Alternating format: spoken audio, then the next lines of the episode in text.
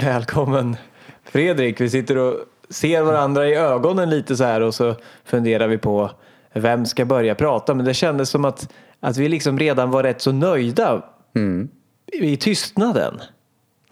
Vi får köra ett meditativt program. Och jag får också välkomna alla våra vänner som eh, lyssnar. 45 minuter gemensam tystnad. Men det här tar oss faktiskt in på dagens ämne. Det vi tänker undersöka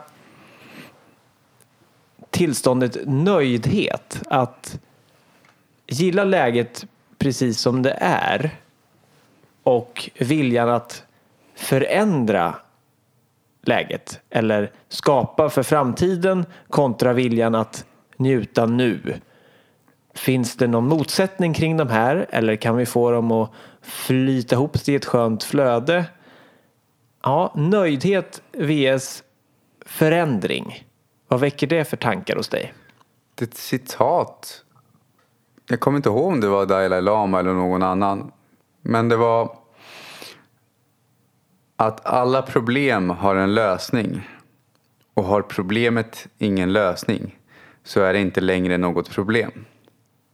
Det är bra sagt. Då, då får jag upp en, en inre mental bild som, som eh, har ett, ett streck och så står det på den ena sidan av strecket så står det varmt och på den andra sidan av strecket så står det kallt. Vi skulle kunna kalla det här en termometer. Och varmt existerar inte. Den röda delen av en termometer skulle inte vara röd om det inte fanns en blå del. Den skulle inte ha något behov av det. Alltså varmt uppstår i jämförelse med kallt. Och så tänker jag samma sak kring lösning och problem. På den ena sidan av strecket så står det lösning och på den andra sidan står det problem. Så det finns inget problem som inte har en lösning för att det är dess motsats. Och antingen finns båda eller så finns ingen. Antingen finns varmt och kallt vatten eller så finns ingen av dem. Allting är ju bara. Det är ju vår tolkning av. Det är som rummet vi sitter i nu hemma hos mig i Gamla stan. Är varken stort eller litet. Jämför jag det med Nobelsalen. Om det nu finns någon sån, Men där de har de här Nobelmottagningarna. Och delar ut priserna. Då är ju det här rummet litet. Jämför jag med kanske en mindre krogtoalett. Ja, det är en mindre krogtoalett. Redan där bedömde jag ju. Jämför jag med en krogtoalett så kanske det här rummet är stort. Det är ju min tolkning av det. De har säkert jättestora toaletter på Nobelfesten. Och då kommer jag även in på värdiga problem. Ehm, låt säga så här att vissa människor har problem med vad de ska äta nästa vecka. Och det är inget fel på det. Alltså, har du det som problem så är det jättefint. Om det är där du vill vara. Men många gånger när vi har en större vision av att vilja ge till omvärlden så försvinner lätt de problemen. Så att då blir det som att vi fokuserar på något annat. Och de vardagliga sakerna som kanske förut var ett stort problem kommer försvinna i betydelse för oss för vi har någon större som vi fokuserar på. Just det. Man skulle väl kunna ta den här, dyker upp i mitt huvud då, om, om jag kan sätta mig in i medkänsla för människor som lever i absolut fattigdom och är sjuka så känns min förkylning och min, eh, att min portion på restaurangen var lite liten till lunchen känns ganska futtiga. Och då kan man säga att jämförelsen med det större löste de mindre problemen. Och då menar jag på att istället för att fokusera på bristen där så skulle det kunna vara hur kul det är att kunna bidra till att de andra får mer mat. Men nöjdhet i jämförelse med förändring då. Om vi vore alldeles nöjda som det var. Hade vi då börjat prata nu när vi satte på räck? Hade vi inte bara suttit här då?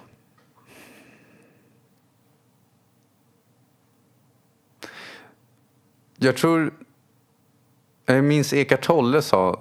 Jag ins, det roliga är att jag har inte läst så mycket av hans bok men jag har sett en videoklipp med honom som inspirerar mig väldigt mycket. För stilen i hans bok passar inte där jag är just nu. Alltså, I alla fall ljudboken som jag lyssnade på. Men jag kollade på en video på Youtube med honom som jag gillade väldigt mycket.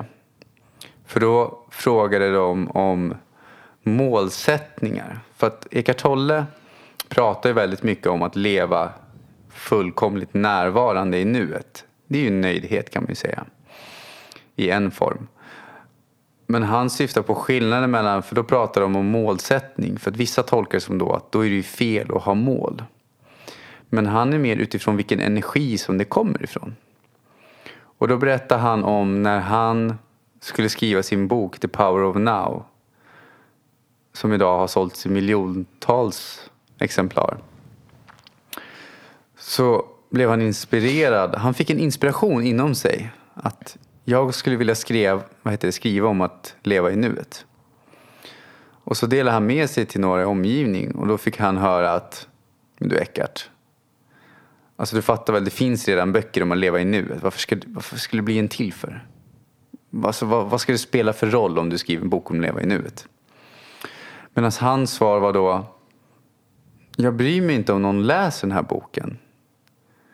Jag skriver ju den för att jag är inspirerad att skriva.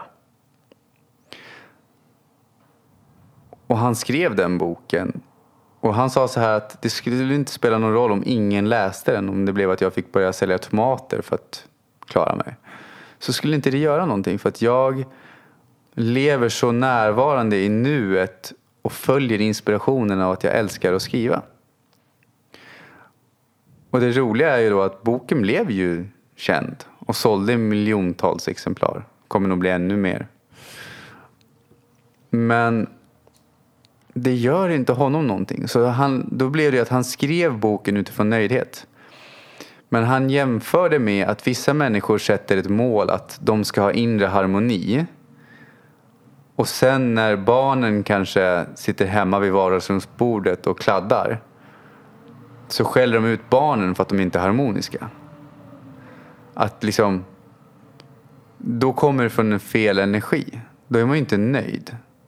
Då är man baserad på att alla i omgivningen ska anpassa sig för att man ska kunna leva i sin harmoni och då lever man inte i harmoni. Eller att man sätter ett mål av att vara lycklig där borta men man gör saker idag som gör en olycklig i tron att om fem år då blir jag lycklig om jag gör de här sakerna. Att det skapar disharmoni. Men att genom att titta på sina inre behov och att släppa begränsningarna så blir vi nöjda även när vi gör saker. Mm. Eller vi är nöjda från början och gör alltså, Istället för att vi gör saker för att bli nöjda så gör, är vi nöjda och gör saker. Men de går ju lite i en spin-off där. Alltså, så att du, ibland kan man göra saker och vara nöjd. Men man ska inte vara beroende av det, av resultatet. Men man kan använda det som en inspiration. Och är vi redan nöjda innan så, så blir vi inte beroende av resultatet.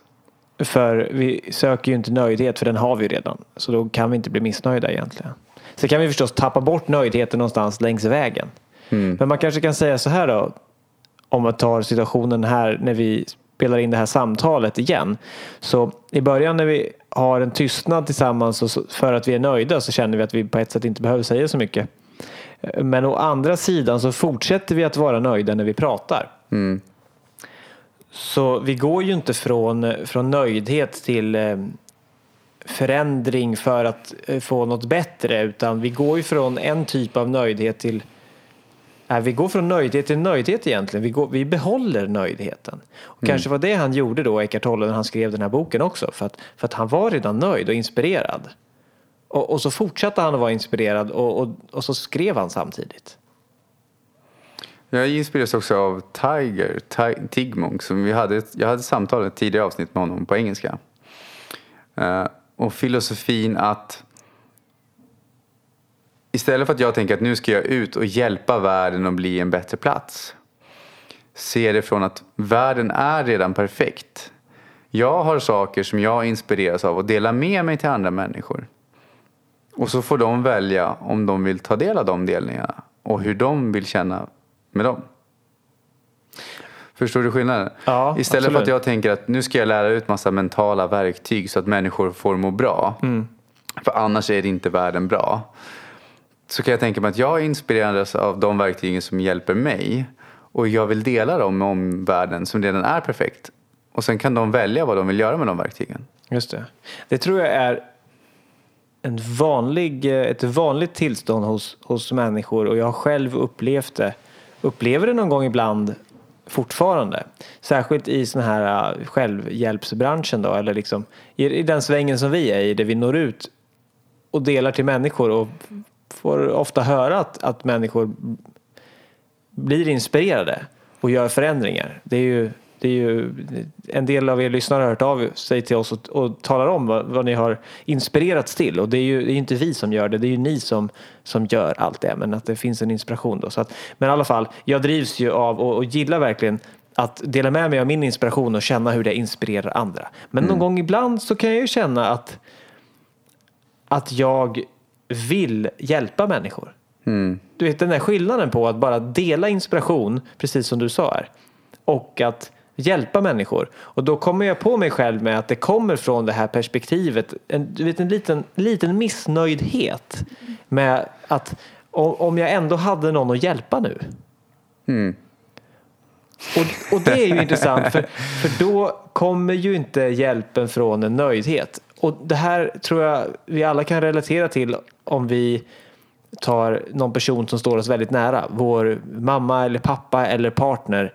Och så mår den personen inget bra, har en dålig dag. Alltså det är så lätt att vilja peppa den personen. Och det låter ju bra. Att ja, oh, men när min partner är lite nere, då försöker jag stötta henne. Men från vilken plats stöttar jag honom eller henne eller hen? Är det för att jag tycker att det är jobbigt att hon mår dåligt? Eller ja, i mitt fall hon då. Eller jag har ingen partner på det sättet just nu. Men är det för att jag tycker att det är jobbigt? Eller är det för att hon ska bli inspirerad? Alltså vill jag, det kanske är av egoistiska skäl. Jag vill få slut på hennes dova humör så att jag ska bli glad. Och då, som vi säger, vi använder uttrycket att man gör det från brist. Och då, om man inte är van vid det så kan man ju säga att är när vi inte riktigt är nöjda själva och så försöker vi göra någonting för att bli nöjda. Då är det från, från brist.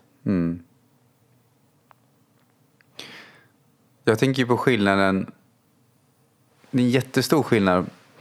Eller jätte, jätte. Jo, Jättestor. nu sätter jag en etikett på att det är jättestort. Men det, det är en skillnad då. På att vara ansvarig för någon annan och till någon annan. Jag gillar Jim Rohn som sa, som jag lyssnade på en del förr, som sa att om jag tar ansvar för mig, för dig, så tar du ansvar för dig, för mig. Där har vi ju kontrollen. Men om jag försöker ansvara för dig men har ingen kontroll över mig och du försöker ansvara för mig men har ingen kontroll över dig. Då, då lever vi båda utifrån brist och försöker fylla en annan. Just det.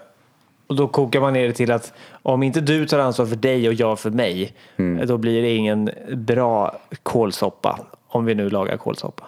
Och där kommer nyansen då att jag kan vara ansvarig till dig och du kan vara ansvarig till mig. Jag tror väldigt starkt på att Vad, vad menas med det? Med till? Skulle det, nu, jag vet inte vart mitt exempel kommer ifrån, men laga kålsoppa. Skulle det kunna vara att du ringer mig på vägen och frågar kan du köpa kål till vår kålsoppa? Och då säger jag ja, men det går bra, jag ska ändå, jag ska ändå förbi affären. Mm. Då är jag ansvarig till dig. Men, men jag är inte ansvarig för att du lagar mat och, och får i dig soppa så att du kan och du, överleva. inte, och du är inte ansvarig för mitt humör heller. Nej, just det. Eh, ett annat exempel kan vara så Jag här. hjälper dig istället, jag stöttar dig typ istället för att eh, ta ansvar och utan det ansvaret klarar du det inte. Vi gör ett exempel då. Jag tror de här tankarna kan hjälpa ganska många människor. Eller, ja, jag delar dem. Så, Ja, nu kommer vi in på Hjäl- hjälpa här hjälpa igen. Jag, jag fastnar också i det där hela, eh, lite hela tiden. Men jag, jag halkar tillbaka dit också. Jag kan dela de här grejerna då. Ja, vi är För bara de har, människor. De har hjälpt mig. Ja, Jag hakar ju själv. Jag har, vad heter det? hamnar ju själv i det där spåret ibland. Jag försöker ju påminna mig själv konstant. Eh, men jag kan dela, det som hjälpte mig var att om du har en person som springer omkring och försöker hjälpa alla andra och sen så, så säger de så här att Nah, efter allt jag har gjort så får jag ingenting tillbaka. Efter allt jag har gjort så får jag ingen respekt. De tycker inte så om mig. Eller förstår jag blir illa behandlad av de här grejerna. Och då kommer ju det ifrån att den personen har varit ansvarig för andra. Och det som sker psykologiskt sett är att den första tendensen för vissa är att åh vad skönt att någon annan gör den här saken åt mig. Vad skönt att inte jag behöver ta ansvar. Men på någon liten del hos en så börjar det växa det här att man känner sig underlägsen. Och det kan växa och växa och ju mer den andra personen försöker ta ansvar för personen på ett plan så trycker de ner dem och säger att jag är bättre än dig. Ja, så, utan min hjälp klarar du inte det här. Ja. Och det som börjar växa hos personen som får hjälpen då är känslan av att vara underlägsen, att inte vara tillräcklig alltihopa. Och det börjar gro. En del av den personen som får hjälpen tänker gud vad skönt att någon annan gör det. Men en annan del av personen känner att det känns inte bra. De kanske inte alltid kan sätta fingret på det heller. Och då kan det ju leda till att de hamnar i ett havande. Att ja, men jag ska få, jag ska få, jag ska få. Och då hjälper man ju personen att hamna underlägsen situation istället. Ja, det är väl uttrycket curlingföräldrar. Ja. Att man curlar sina barn, man ger dem precis de, jag vet inte om det uttrycket kommer från att man, att man sopar banan eh, för dem och ger dem allt de behöver i sitt bo. Mm. Om man har sett på curling så handlar det om det. Och där tänker jag, skillnaden, egentligen enda skillnaden är så att när man har småbarn som inte liksom, de kan inte göra någonting själv, då är man ju ansvarig för dem. En späd, ett, låt säga som ett, ett spädbarn som ligger där, ja, men då är jag ansvarig för barnet i början. Att byta blöjor och sådana saker. För att i början kan den fysiskt inte ta hand om sig själv. Den skulle ju dö om jag lämnade den.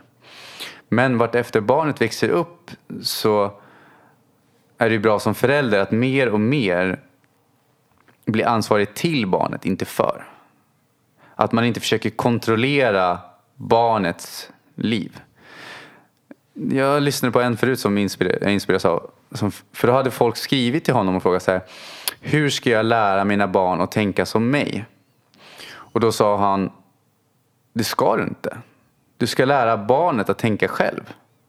För att till exempel den tiden vi växte upp. Då fanns ju knappt mobiltelefoner liksom. Alltså saker och ting förändras väldigt fort. Så om jag lär mitt om jag lär ett barn att tänka som jag gjorde. Det är inte ens säkert att de sakerna finns kvar när det är vuxet. Att jag istället ska lära barnet att tänka själv och ta ansvar för sitt liv. Det var lite som den gamla tidens skola när man skulle lära sig saker utan till och sen så kom tiden när vi gick i skolan när man skulle analysera mycket och sådär. Mm. Men fortfarande så så var det bestämt vad man skulle analysera kring. Och så kanske framtidens skola handlar mer om att man ska analysera och man får välja vad man vill analysera. Det var faktiskt kul. Jag var på Östra Real och föreläste häromdagen. Uh-huh. Och hade ett väldigt roligt samtal med en av lärarna där inom marknadsföring. Och då hade hon varit i Berlin på något EU-möte. Och jag tror det var typ så 98 procent av de som var på det här EU-mötet hade en bild av att i framtiden, det är fler och fler lärare, jag har till och med en kompis vars barn går i skolan, där lärarna spelar in videoklipp med vad de vill prata om. Och visionen som fler och fler lärare börjar få är att det kommer bli vanligare att barnen loggar in på en dator, kollar på de lektioner som passar det som de behöver just nu. Men sen blir läraren istället en coach som justerar riktningen. Mm. För redan idag i skolan när hon lär ut så är Alltså eleverna sitter inte och lyssnar på så här långdragna historielektioner om varför marknadsföring är på det här sättet. Eleverna idag är mer så här, de är ju vana att hitta informationen snabbt. Så var det ju inte förr. Därför blir det mer så här, ja, ja, kom till saken, vad ska jag med det här till, på vilken nytta har jag det för? Mm. Det ställer helt andra krav på skolan också, så det börjar bli, det lutar mer och mer att bli vad är det för nytta? Varför ska de lära sig det här sättet? Och att eleverna kan ta till sig informationen själv. Mm. Men att de har hjälp av läraren som en coach istället som kan justera kursen om de fastnar eller sådana saker. Mm. Eh, Vi fiskar oss tillbaka, kastar ut en krok och vevar in den så här som på ett fiskespö till, till ämnet nöjdhet eh, kontra förändring. Vad övar du mest på i ditt liv idag? Att vara nöjd som det är eller att skapa förändringen? Eller finns det ingen skillnad? Det jag övar mest på är att vara nöjd under förändringen. Det vill säga att jag sätter mål. Alltså jag jobbar väldigt mycket just nu på att jag sätter olika mål. För att när jag triggar de bilderna inom mig. Det första min hjärna gör, tänker jag. Det är att den tänker, gud vad kul att du vill göra de här sakerna. Låt mig hjälpa dig genom att ta upp till ytan alla saker du tror på som hindrar dig att göra de här sakerna. Så därför handlar det också för mig om att det jag jobbar mest på är att ha tillit och acceptera de sakerna jag vill. För att växa i mitt tankesätt, det älskar jag att göra. Att expandera mitt medvetande inom olika områden. Så att saker och ting inte begränsar mig längre. För är det så att jag har ett område som är där det inte går bra så är det med största sannolikhet att jag har föreställningar eller minnen eller grejer som är baserade på brist som hindrar mig från att leva utifrån de sakerna. Just det. Och så drar jag min favorit, eh, favoritetikett som vi ibland tar in. Att, att personlig utveckling kanske egentligen på ett sätt är personlig avveckling. Alltså att vi avvecklar det som skymmer oss från och det som hindrar oss från att expandera. Ta bort de programmeringarna som säger det här går inte. Det här kan du inte. Och det roliga som jag kan väl lägga till då är bieffekten är att jag blir väldigt nöjd idag. För om jag sätter mål som triggar minnen från barndomen utifrån brist och jag väljer att släppa de minnena med genom olika mentala verktyg då försvinner ju det som gjorde att jag kände brist från grunden. Förstår du vad jag menar? Ja, och då kan vi bli mer nöjda. Så att vi kan sätta upp mål för framtiden som gör att vi får syn på sådana här det går inte brist eh, bristtankar som har rotats tidigare i livet. Ja. Och när vi får syn på dem så kan vi bli av med dem. Ja. Det är ungefär som att, att vi, eh, vi lockar fram problemen och när de kommer då hugger vi av dem i roten. ja. Så att- Gräver upp dem Så liksom. att om vi vore fullständigt nöjda då skulle vi inte locka fram de problemen som, som ändå faktiskt finns där. Alltså, jo, så här, om vi vore fullständigt nöjda. Nu säger jag ju fullständigt nöjd. Det här är för övrigt, en- journalisten i mig nu går igång lite och jag hör en gammal svensklärare, inte på ett strängt sätt utan på ett positivt sätt. Han slog ett slag för att vi ur, utarmar, urvattnar språket när vi säger så här, det här var väldigt gott, för redan gott är gott nog. Så sa han inte, men det var vilket bra sätt jag hittade att uttrycka det. och då säger jag så här, fullständigt nöjd. Jag menar, antingen är du nöjd eller så är du inte nöjd. Ja. Men då, då säger jag så här, om, om jag redan är är, nöjd, alltså fullständigt nöjd, då, alltså jag skulle inte vara det under en, en ihållande period om inte allt mitt obearbetade redan var bearbetat. Om, alltså, det går nog inte att vara fullständigt nöjd om vi inte redan har ryckt upp alla de här gamla ogräsen från förr. Så när, när, när jag säger att jag är nöjd då tror jag att det är en kort stund av nöjdhet som sen byts ut av nu vill jag göra det här eller nu blev det tråkigt eller nu är jag rastlös eller sådär. Så att när jag säger att jag är nog, jag är nog förmodligen en person som kanske är nöjdare än många andra. Men, men, men nöjd, det är jag inte. Så för att bli nöjd, då kanske jag har hjälp då av att sätta upp mål och vilja förändra för att få syn på sånt skit som ligger där sen gammalt som gör att jag kan vara nöjd i nuet i längre perioder Ja, innan det störs av något annat.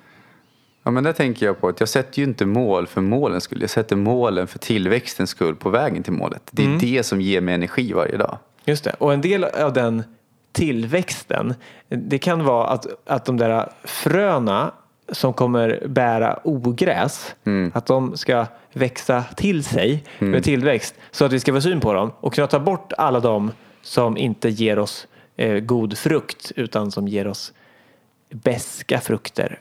Mm. Om man inte gillar beskt. Och sen till slut så kommer man, jag känner ju själv idag att jag har grundnivån, jag har den inre friden alltså, ja, på plats kan man säga. Alltså jag utgår från en bas. Jag hade inte den förr. Jag kommer ihåg när jag hade drömmen om det förr. Att jag bara, om jag ändå kan vakna på morgonen och åtminstone må okej. Okay, och därifrån bygga till att må väldigt bra. Idag har jag den plattformen att det är ytterst sällan jag vaknar dåligt. Det händer, men jag har ju mentala verktyg att kunna skifta det. Men nu börjar det mer och mer bli som att, låt säga att eftersom jag är varsam med mina tankar. I förra avsnittet så pratade vi om den största rikedomen i världen är att kunna styra sitt sinne till vilka mål man än önskar. Och jag jämför idag som att om jag sitter vid en lägereld. Det har blivit mörkt ute och jag sitter framför en brasa som sprakar. Och sitter jag nära den för att värma mig men inte varsam så ibland så flyger det iväg så här små kolbitar och sånt. Och så låt säga att om jag inte är varsam och sitter där så flyger det iväg en liten kolbit och sätter sig på jackan. Men jag tittar inte. Då kan det ju bli att hela jackan är lättantändlig och börjar mm. brinna. Fleecejacka, det har jag varit med och brunnit en ja. gång.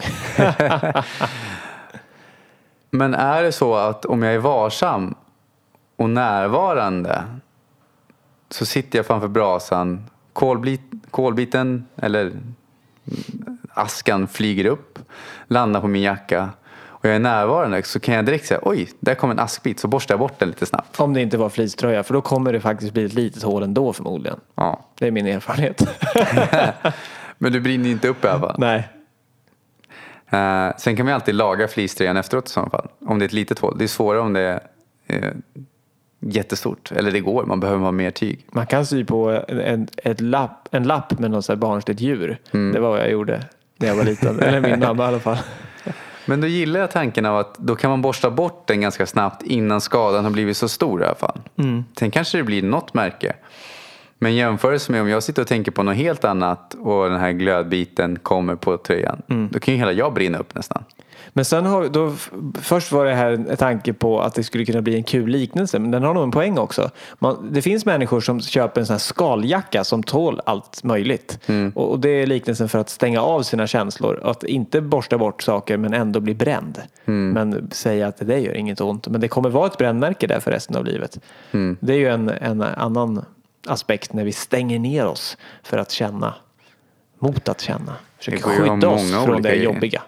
Det kan ju också vara att du har en fin jacka som du tycker om. Men det går ju att byta jacka. Alltså det att ibland så fastnar vi i våra identiteter så otroligt mycket att jag, alltså om jag tittar på min barndom, jag kommer fortfarande ihåg en kompis som jag frågade. Det fastnade, hennes svar var så upp, fantastiskt. För då frågade jag hur hennes barndom var. Och hon svarade, ja den var. Ja just det. det tog en stund innan jag var, ah, Istället, alltså, istället, liksom, för jag hade ju en tanke på hur, vad, tyck, vad är dina åsikter om din barndom? Mm. Och hon sa, ja men barndomen var. Mm. Och det, be- ja, fortsätt Ja men det betyder ju att den var varken dålig eller bra. Hon hade en barndom och den var som den var. Mm. Det finns en, eh, i, i meditationen, och det, man behöver inte ha meditationserfarenhet av det. Man har ju kommit på även vetenskapligt att, att all materia den är inte så fast som vi tror. Den uppstår och försvinner typ triljoner om man ens kan relatera till det. Det kan nog inte jag egentligen. Mm. Vi säger miljoner och så vet vi att det är mycket, mycket mer. Miljoner gånger per sekund så uppstår och försvinner den, liksom bubblar. Den, mm. den finns på ett sätt inte. Den finns inte i den fasta formen som vi tror. Mm. På samma sätt som om du tittar på ett ljus, en låga. Och så säger jag, eh, det är samma låga som det var för som det var nyss. Men det är det inte för att det är en annan del av veken som ger sken nu än vad som gav sken för en sekund sedan. Mm. Och på samma sätt, vi är ju, våra kroppar är ju, är ju materia. Mm. Så att våran kropp förnyas också, uppstår och försvinner hela tiden. Och alla vet ju hur snabbt tankar och mentala processer också bara bom, bom, bom kommer och försvinner. Mm. Så att egentligen är ju inte jag den personen nu som jag var nyss. Mm. Så fort jag har sagt det här, jag är Viktor version 1 så är jag inte Viktor version 1, då är jag Viktor version 2. Och då kan man verkligen tänka det här med hur var din barndom? Ja, tänk hur många gånger jag har uppstått och försvunnit sen dess. Och det blir som ett... Det är väldigt abstrakt. Det blir väldigt men- abstrakt, men det blir lite som intellektuellt att man måste fatta det så att ja, okej, om saker bara uppstår och försvinner hela tiden och Mm. bara liksom bubblar och flimrar, då gör jag också det, för jag är av samma beståndsdelar som allt annat. Eh, Men i meditationen då så, upp, så, så strävar man efter att, att uppleva det här att känna det. Att ha så stilla sinne så att du känner hur kroppen bara vibrerar och egentligen inte är så fast som den är. Men det tänker jag på. Jag har hört någon gång att jag tror det var sjätte år har alla cellerna i din kropp bytts ut. Ja, just det. Men, men det är inte samma sak. För att de uppstår och försvinner fruktansvärt många gånger hela tiden. Ja, men det jag vill lägga till då är ju att därför fysiskt är ju, om man säger så här, men det, jag har alltid varit sån här. Ja, just det. Och tittar man då på, ja, fast det har vi ju inte. Nej. Så, och varje, varje liksom millisekund så är vi också en ny person. Vilket ger oss en enorm frihet. Det kan vara skrämmande också för då kan man säga vem är jag? Ja, tänk om du inte är någon. För att du är en ny person i varje, varje ögonblick. Men det ger oss också en väldig frihet att hela tiden, någon säger så här, men, men du, jag trodde inte att du ville följa med, du brukar inte tycka om såna här saker. Och så bara, okej, fast jag kan ju ha ändrat mig. Det här var ju nyss liksom. Och i förhållanden och så här när vi känner varandra nära och i familjerelationer. När vi tror att vi känner hela tiden, ja men precis, hela tiden så, så refererar vi ju till hur någon brukar vara. Eller, men Mm. du gör ju det här, du gillar ju det här. Du, det är väl klart jag inte frågade dig. Eller den här maten skulle inte du vilja ha. Mm. Och det är också då om att, om att, att vara i, i nuet. Att vi har möjligheten att vara en ny person precis hela tiden. Jag kan välja ett helt annat val. Men Jag kan ju kalla mig vegetarian och så går jag rakt in på köttrestaurangen här och köper en riktig bit och äter den rå. För att jag gillar fortfarande raw food. Mm. Ja. Vi kan alltid vara förnyad, förnyade. Ja, vi, vi kan oundvikligen, vi, det är så här, vi kan inte vara den vi var förut. Vi kan bara vara, eh, göra samma sak så gott vi kan en gång till. Men det är omöjligt att vara något vi redan har passerat. Men jag tänker också att nuet är ju manifestation av tidigare tankar. Alltså det vill säga Ja. att hur du lever nu Ja. är ju en konsekvens av hur du tänkte nyss. Ja, just det. Det, det håller jag med om. Och det här kommer det intressant- intressanta perspektivet då. När folk säger att du ska bara leva i nuet. Då är det så att nuet är ju då i alla fall, då blir det så att man försöker låsa fast sin historia. Förstår du vad jag tänker då? Jag ser det mer som att leva i nuet och vara alltså då tänker jag mer som att jag är närvarande i nuet och dyker tankar från min historia upp som vill upprepa sig som jag inte tycker om kan jag välja att släppa taget om dem. För att skapa nästa nu som jag kanske trivs mer med. För det kan vara så att en viss person under en lång period tänkt tankar som den egentligen inte tycker om som har skapat ett liv för den personen som den inte tycker om. Och så säger någon det gäller att vara leva i nuet. Men den personens nu är ju en konsekvens av hur den har tänkt och betett sig innan. Just det, så man kan säga att de valen och tankarna och beteendena som en person har haft med sig de skymmer ju kanske till och med möjligheten för att uppleva nuet. Ja. För de är så överhängande och grova mentala betingningar så att det finns ingen möjlighet, kan det kännas som, att uppleva nuet. Ja. Och nuet skulle då kunna vara den här nöjdheten som vi pratade om i början. Att, att när man bara är, är nöjd som det är, det finns inget som skymmer nuet. Men Då då är man nöjd. Men då pratar vi också om tid och rum. Därför ser jag det som att det är lika vackert att vara närvarande som att visualisera framtiden. Alltså jag skiljer inte på de två sakerna. Till en viss del när jag pratar om det så skiljer jag på det. Men jag vet ju att det jag visualiserar och skapar i min inre bild idag kommer imorgon, eller redan direkt efter, börja bli mitt kommande nu. Så om jag bara fokuserar på nuet så kanske jag missar att skapa någonting i framtiden. Ja, just det. Men det här är ju intressant. Och den framtiden, alltså om jag tänker på vart vill jag inte vara? det på, vi pratar mycket om, om vad, vad som är brist, att man gör något från att inte vara nöjd. Ja. Men om du är rädd för att missa någonting i framtiden, då är det från brist. Då kan du inte vara helt nöjd med nuet, eller kan man det? Nej, alltså jag ser det mer som att jag skapar någonting i framtiden utifrån inspiration. Jag skiljer Ja, på, det. det. beror på vad jag skapar framtiden ifrån. Tänker jag på framtiden att nästa år, det är ett fantastiskt år. Då kommer jag vilja göra alla de här sakerna och jag bara går in i den känslan fullt ut. Och då känner jag inspiration. Då blir jag inspirerad idag, i nuet, att agera mot den visionen. Ja. Skillnaden blir om jag tänker på framtiden och tänker om ett år, då ska jag ha det här. Och så dyker tankar upp som att det kommer inte gå. Du är dum i huvudet. Bla, bla, bla, bla. Vi har inte råd. Hur ska du göra alla de här grejerna?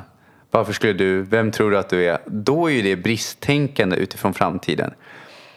Men då är det ju bristtänkande i nuet som i sin tur bidrar till att framtiden blir brist.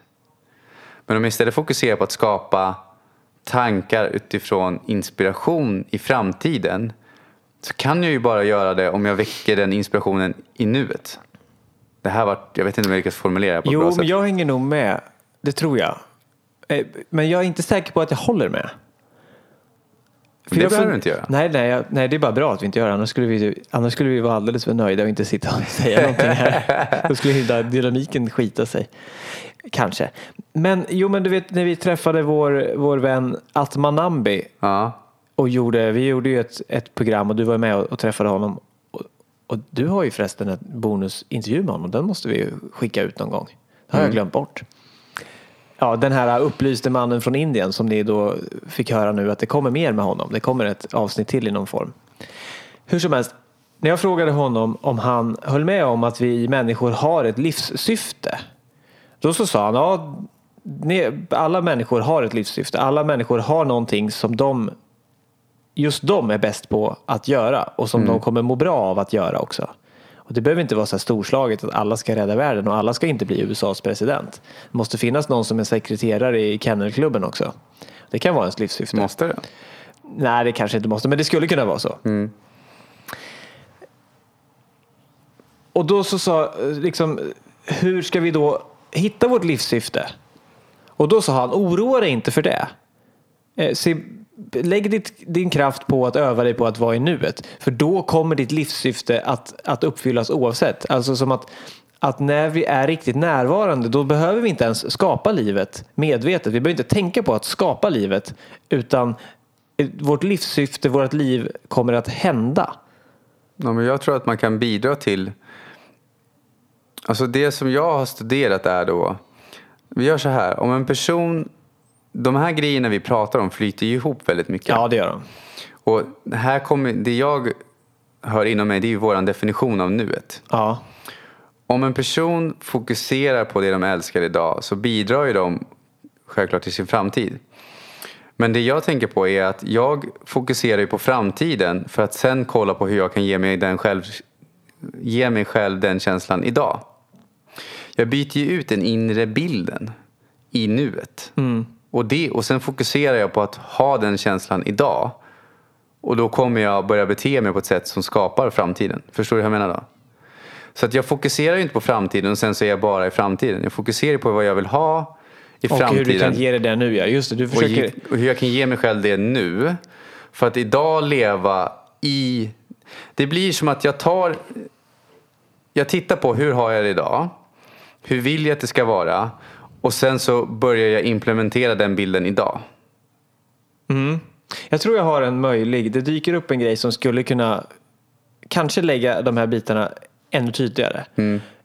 För det här blir ju filosofiskt nu så man är ursäktad om det är svårt att, att hänga med. Men Ja. jag tror att det går. Och det var en så här känsloskala som eh, gick från eh, ena sidan så var det maktlöshet, det var en av de värsta känslorna man kunde känna. Och sen kanske det var ilska, det var lite mindre jobbigt. Och så kanske ledsamhet var lite mindre jobbigt än det. Och så blev det bättre och bättre. Och längst ut, alltså den, den mest angenäma, den mest eh, högsta känslan om vi kallar den det. Var frid. Och innan frid kom entusiasm. Jag tänker då att i tillstånd av fullständig frid då kommer inte ens tanken på att vilja skapa något ännu bättre för framtiden. För att det, det, det är redan fullständig frid. Men att entusiasm är förstadiet till, till frid och i entusiasmen så är vi en skapande kraft och kanske är då den inbyggda drivkraften att skapa oss frid. Jag tänker också att det beror på vart jag skapar ifrån. Om jag idag skapar en framtid baserat på brist. Alltså allt sitter ihop. Om Vi säger så här då. Om jag idag tänker på brist och så ser jag en framtid från, framför mig. Då kan ju inte jag nå den framtiden för jag är ju idag i brist. Förstår du hur jag tänker då? Ja, jag tror det. Så det jag gör är ju att jag fokuserar på framtiden för att trigga känslor så att jag kan se vad jag idag på ser som brist. Så Ja. att jag kan släppa taget om dem och vara Men närvarande. om du redan vore i frid, då fanns det ju ingen poäng att göra någonting. Så länge det inte kommer från inspiration. Ja, men en, håller du med om att det är bara en tanke, alltså jag bara såg den modellen. Och när jag såg den var jag så men det är nog sant. För att jag gillar verkligen att vara inspirerad. Men jag gillar ännu mer att inte vara inspirerad. Jag gillar ännu mer att inte vilja vara någonting annat än där jag är. Inte ens inspirerad. Och, och det är som att inspiration är ändå en rörelse medan frid är en stillhet. Men jag tror att vara i balansen mellan de båda. Jag tror att båda är fantastiska men jag tror inte det finns någon balans emellan dem. För att antingen är ytan helt still eller så är den nästan still. Och om den är helt still, det tror jag är fullständig nöjdhet. Och det är ju sällsynt. Nej, men Jag menar på att det är kul att leka mellan de ena. Om vi, om vi gör jämförelsen som jag skulle inspireras av. Det är Ja. att om jag, jag kan tycka det är skönt att bara sitta hemma och varva ner. Men jag kan tycka också att det är kul att vara ute och hitta på saker. Och då när jag är ute och hittar på saker så upptäcker jag mig själv som kanske reflekteras. Vi hade ju något program om inre frid också, kommer jag ihåg förut. Där vi diskuterade att vissa människor sitter hemma från ett sätt att skärma av sig från världen. Och de behöver gå ut och upptäcka den för att se vad som triggas inom dem som gör att de stannar hemma. Andra människor är ute och hittar på saker för att dölja vad som dyker upp när de sitter hemma.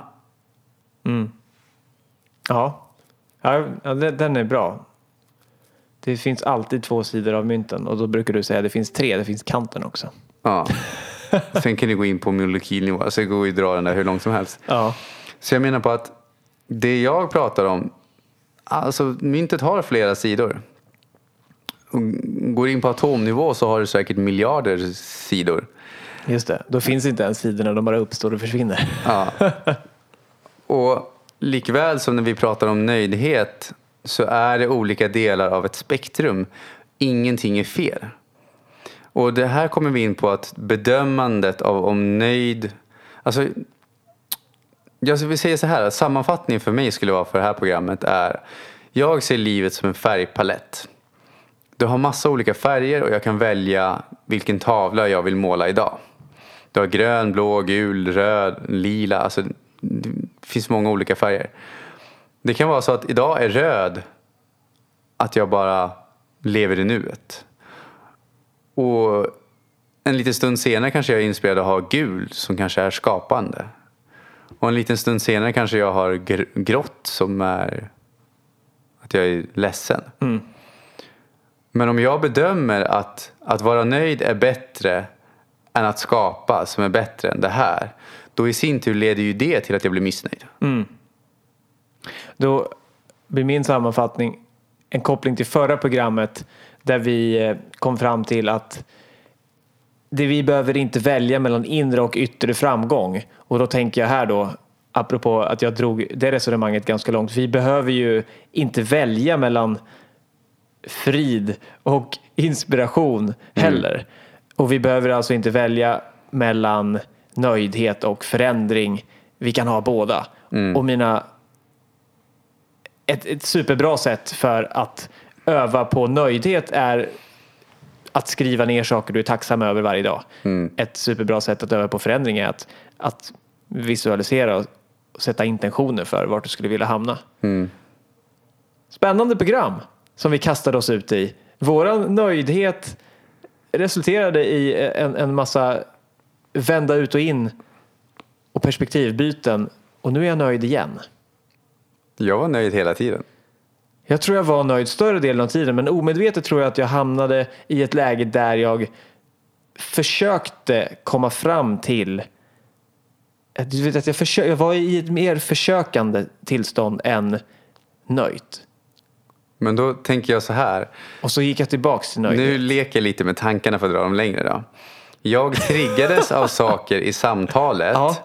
Men jag är nöjd över att jag triggades, alltså är jag nöjd. Precis, ja, bra. Då fick du ett praktiskt exempel på, på din sammanfattning att så länge vi dömer så, så hindrar vi oss själva från nöjdhet. Att den ena känslan är, alltså, Allt, det var olika, men allt var lika bra.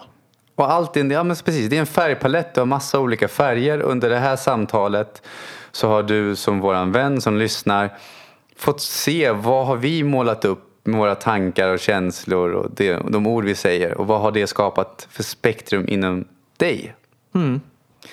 Och jag vill i alla fall promota Nextory som är vår samarbetspartner.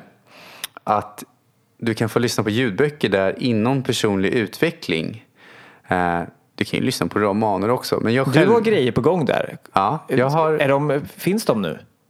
de har, jag, jag vet inte om... Det, Det de är beror just lite på när man producenten. lyssnar på det här också. Vi vågar inte lova det, men det är på gång. Det vågar jag lova. Jag har spelat in tre mentala träningar där i alla fall. Och fler är på gång som kommer vara där på Nextory. Det ser jag fram emot. så har du ju du har mycket inom mental hälsa där. Eh, och du får testa det gratis under 30 dagar om du går in på lyckopodden.se tips. Där, då får du helt 30 dagar som du kan testa det helt utan kostnad. Ja, det är en bra deal. Jag gillar den i alla fall. Eh, Så gå gärna in där. Och du kan även gå, komma till Viktor som meditations-PT om du vill ha hjälp med det. Det är min, min nya business. Jajamensan. Du kan även komma till mig som coach. Gå gärna in på lyckopodden.se. Där kan du, har du Viktor som mina kontaktuppgifter om du har frågor och funderingar. Väl. Ja, där, gör vi ju, där finns vi ju båda. www.meditationsptn utan konstiga streck eller någonting. .se Mm. är min adress där. Och jag får tacka för att ni var med och målade den här tavlan idag. Ja, använd alla färger som ni har lust med så hörs vi igen nästa vecka. Det gör vi. Ha det gott. Ha det gott! Hej, hej. hej.